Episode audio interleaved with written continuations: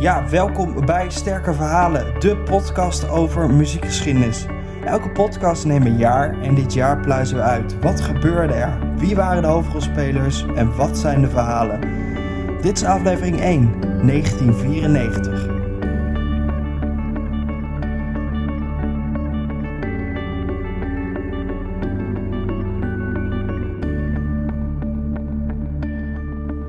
Ja, voordat we beginnen met deze podcast is het misschien ook wel handig om te weten wie ik ben. Mijn naam is Luc Sterk, ik ben 26 jaar oud. Ik woon in Utrecht samen met mijn kat.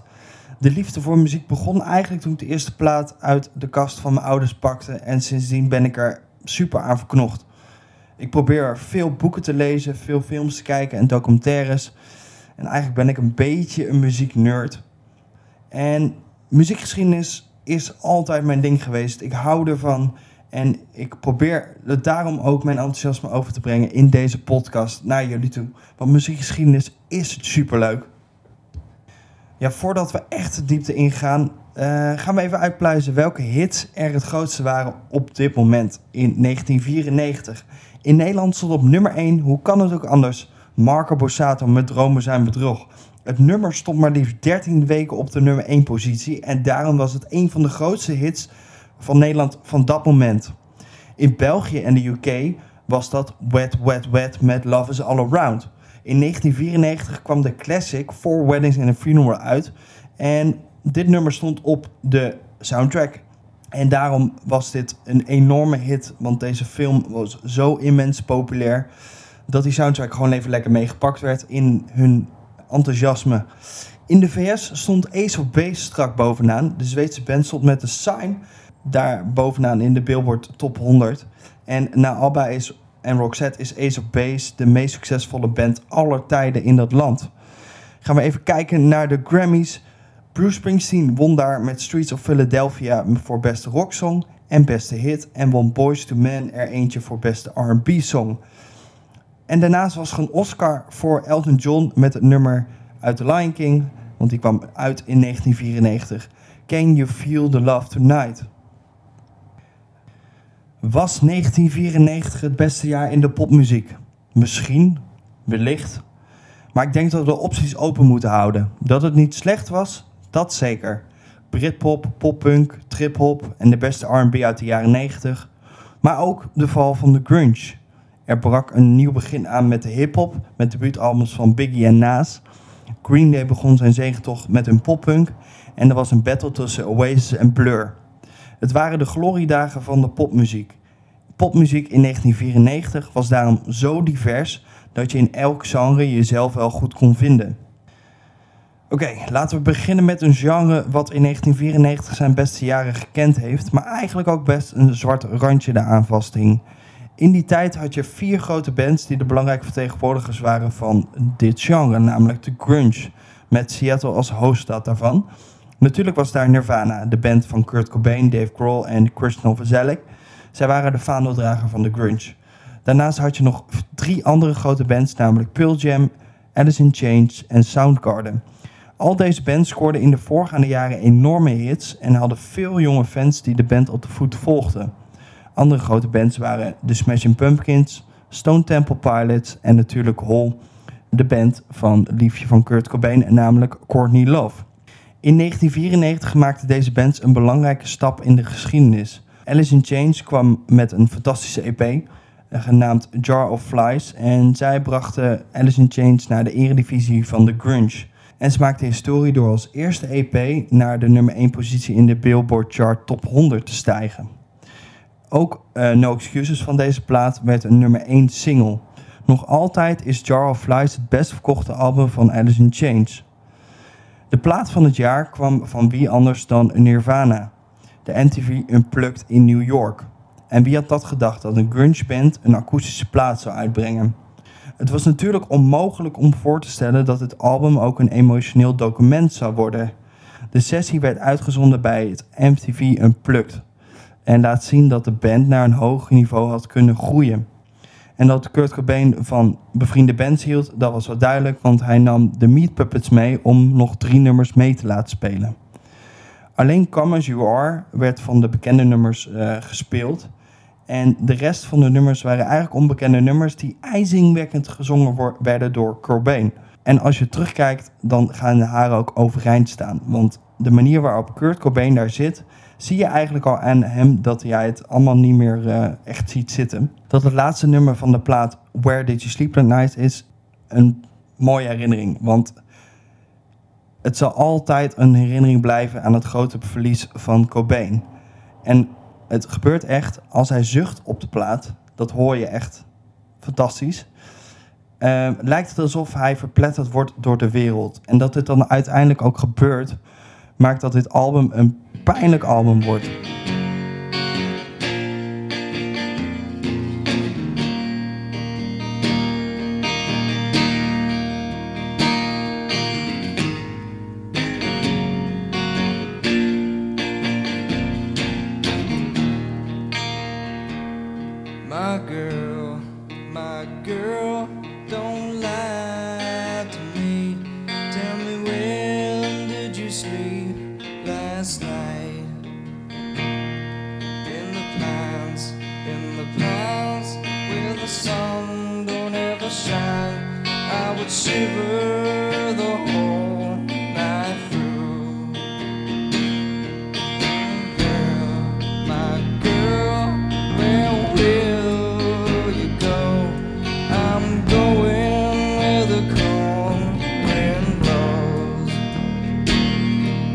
the pines, in the pines, will the sun don't ever shine? I would shiver the whole night through. The husband was a hard working man, just about.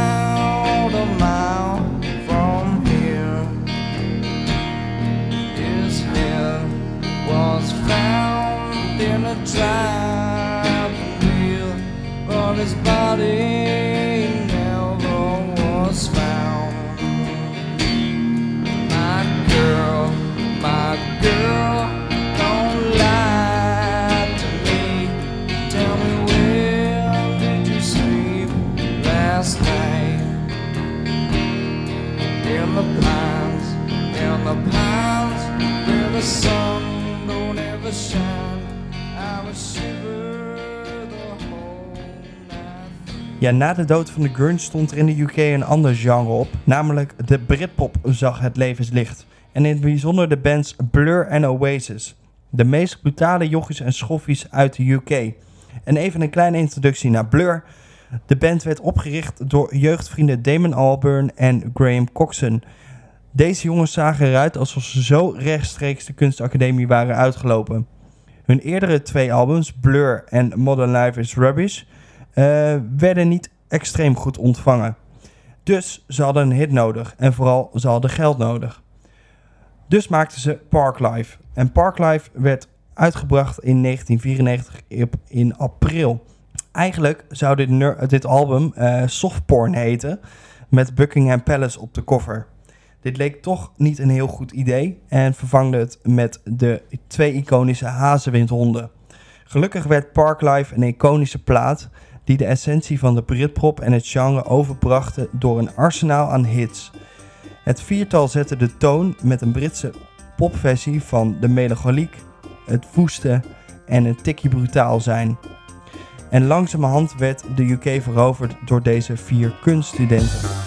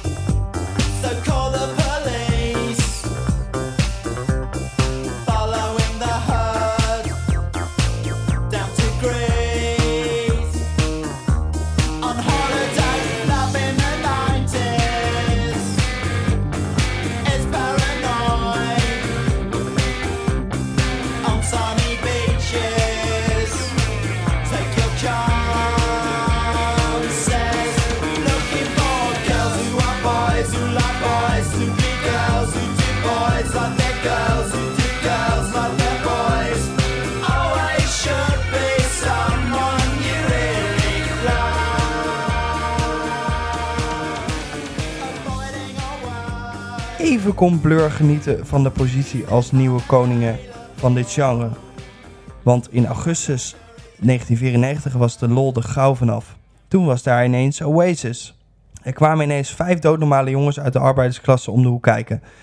En als band heeft Oasis eigenlijk niet de tijd gehad om een normaal leven te kunnen leiden. Ze kwamen van de straat, hielden van voetbal, George Best en rode wijn. Een album van het volk en het volk hield van hen. Definitely Maybe was de debuutplaat van de Oasis en wat voor eentje. Een iconische plaat vol met nummers als Rock'n'Roll Star, Cigarettes and Alcohol en de meest iconische Live Forever. De leden in de jaren 90 dat zij de grootste idolen werden, dat konden ze eigenlijk nog niet helemaal goed beseffen. Maar dat ze de ware geest van rock'n'roll waren, dat wel. Oasis was als een blok beton in de muziekindustrie. Betrouwbaar op prachtige liedjes, vaak verwoest door van alles en nog wat. En de discussie aangaan met deze band, dat was een ramp. De Battle of Britpop in 1994 tussen Oasis en Blur was een keiharde strijd. Het succes van deze bands was duidelijk te merken. Stijvertje wisselen in de hitparades, genoeg discussies met elkaar, alles kwam wel voorbij. Maar in 1994 staat het bekend dat bij de Britten als de geboorte van twee bands die nog lang in het bloed van de Britten zal blijven rondspoken.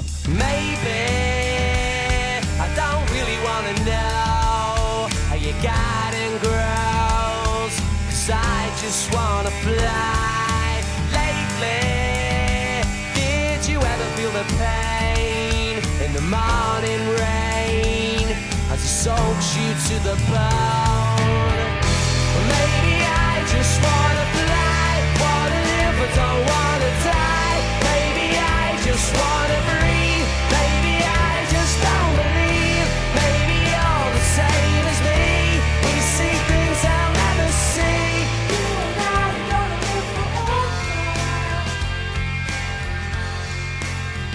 Nou had je dus dat Britpop in de UK uitkwam, maar aan de andere kant van de oceaan was er weer een ander genre aan het opstaan.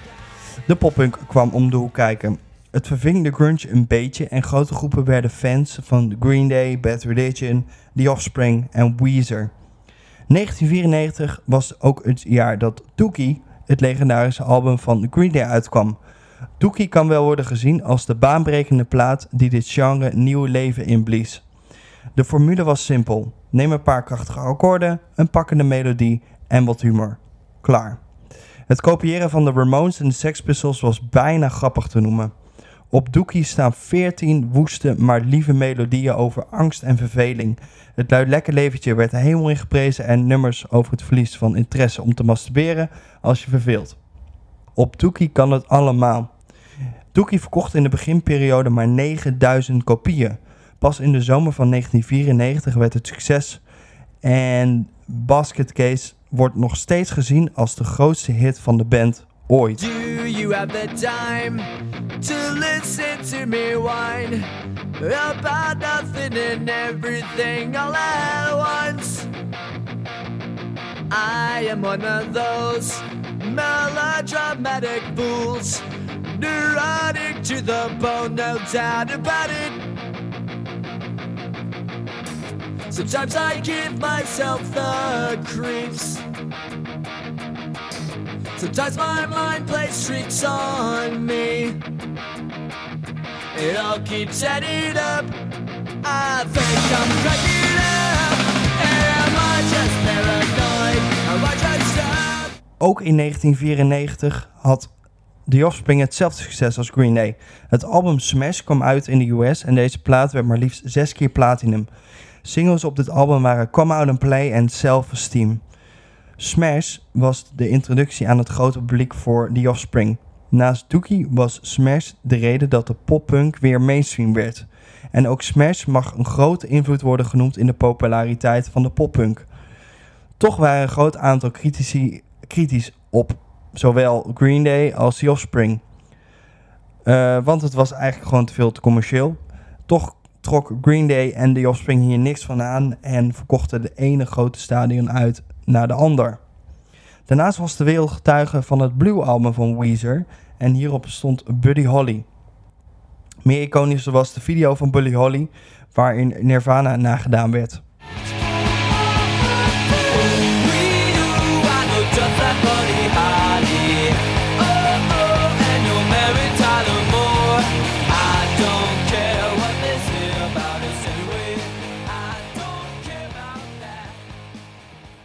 Ja, dat 1994 zo'n belangrijk jaar in de poppunk is, is wel te horen in bands die uit de Zero's komen.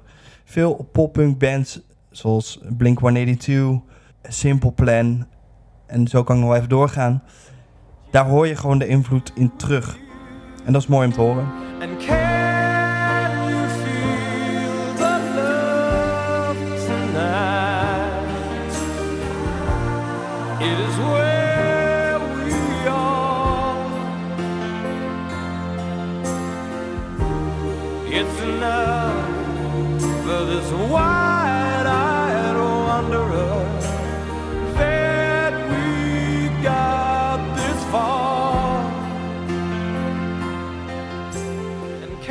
1994 was ook het jaar van The Lion King. Na The Little Mermaid, Beauty and the Beast en Aladdin is het nu aan de beurt voor The Lion King om de wereld te gaan veroveren. En dat doet Disney, maar al te goed. De 32e animatiefilm van de studio wordt natuurlijk een regelrechte hit. Ik weet nog wel dat ik als kleinkind verzot was op deze videoband. De muziek wordt geschreven door Elton John. Can You Feel the Love Tonight wordt een tranentrekker. Oorspronkelijk zou het nummer slechts gezongen worden door Timon en Pumbaa in de film. Maar Elton John vond dit komisch en het nummer moest eigenlijk een beetje romantisch aanvoelen. Uiteindelijk wordt ervoor gekozen om het klein deel te zingen eh, door het bekende zwijn en stokstaartje en de rest door Nala en Simba. Het nummer wint een Oscar voor beste muziek in de uitvoering van Elton John. Verder was het jaar van Pulp Fiction, de klassieker van Quentin Tarantino. En natuurlijk deze geweldige soundtrack vol met klassiekers als Dick Dale en his Deltones met Misery. Later wordt het gesampled door de Black Eyed Peas in Pump It. Cool, eh, eh, cool and the Gang met Jungle Boogie en Chuck Berry. Ja, 1994 en hip-hop, dat is een gouden huwelijk. In 1994 waren er debuten van Biggie, Lauryn Hill, Outkast, Beastie Boys en Nas. In 1993, het jaar daarvoor, was het een debuutjaar van Tupac, Dr. Dre, Snoop Dogg. Eigenlijk ook al best wel een goed jaar. Eh, zij kwamen natuurlijk uit LA en de rivaliteit tussen LA en New York was flink aan. In 1994 pakte New York even frontaal terug op Californië en dat in een tijdspanne van vijf maanden. Naast kikte erin in april 1994 met het iconische album Illmatic. Wat zo goed was aan Nas was de combinatie van oldschool straatpoëzie en een vlijmscherpe productie die bewijst dat hip-hop zowel geest als voeten in beweging kon zetten. Het album was een rauwe productie, maar een geweldig portret van New York waar Nazir Jones opgroeide. In tegenstelling tot veel mederappers verheerlijkte Nas het leven in de ghetto niet. In plaats van daarvan maakte hij indruk door verslag te doen van een oorlog in de ghetto. Op New York State of Mind neemt hij de luisteraar mee naar Queensbridge, vol met schietpartijen en drugsoverdosissen. En op Live is a Bitch zegt hij dat hij nog blij is dat hij nog leeft. Dat gevoel voel je op de plaat. Twee jaar eerder werden zijn beste vriend en broer neergeschoten op de straat. Zijn broer overleefde en zijn vriend niet.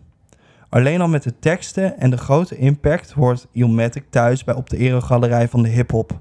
Maar de geweldige productie maakt het album een meesterwerkje.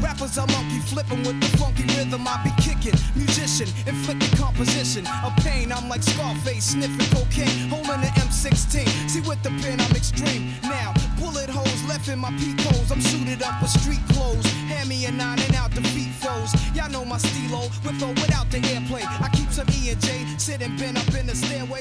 En nadat de eerste stoot was uitgedeeld in Californië, was er in september een tweede stoot. En die was van Biggie. Hij kwam met een album Ready to Die. Het ontroonde alles en iedereen.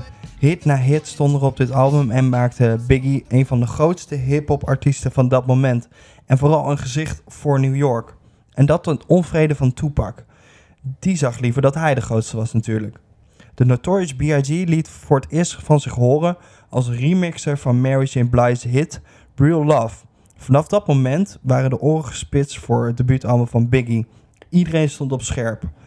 En met Ready to Die loste hij dus ook alle verwachtingen keihard in. Het album telt 15 nummers vol rauwe hip-hop en fantastische beats. Met de hulp van Easy Moby vertelde Biggie over het leven in Bedford, de ruige buurt in New York. Daar groeide Biggie op namelijk. En zo gaat het op het uptempo Gimme to Loot over een beroving. En in Big Papa zet Biggie zichzelf neer als een player. Ready to Die groeide uit tot een klassieker. En dat 1994 de grootste rappers heeft geleverd, dat mag eigenlijk wel duidelijk zijn. Maar door heel Amerika was er iets gaande. In Atlanta bijvoorbeeld kwam Outkast tevoorschijn. Sudden Playlist Cadillac Music was een debuutalbum en dat lanceerde Outkast. In Chicago kwam Common de hoek omkijken. Het album wat verder indruk maakte was Our Communication van de Beastie Boys. In 1994 wisten de Beastie Boys precies hoe ze een feestje moesten maken. Dit album bestond ongeveer uit drie delen. Het buikpijn en korte uithalen Tough Guy en Heart Attack Man. De jazz met Flute en Shabala. En de track die het meest indruk maakte bij de meeste mensen, dat was Sabotage. Ook gelijk een van de meest me- memorabele optredens van de band. Het was een live jam waar de teksten door alle drie de leden eruit werden geschreeuwd. Dit album is als een opname van gedachten van de drie hoofdpersonen, in dit geval de drie bandleden. En het vormde een belangrijk keerpunt in hun leven en hun carrière. Ik denk dat al met al 1994 een perfect jaar was voor de hip-hop en het leverde ons een paar iconische albums af.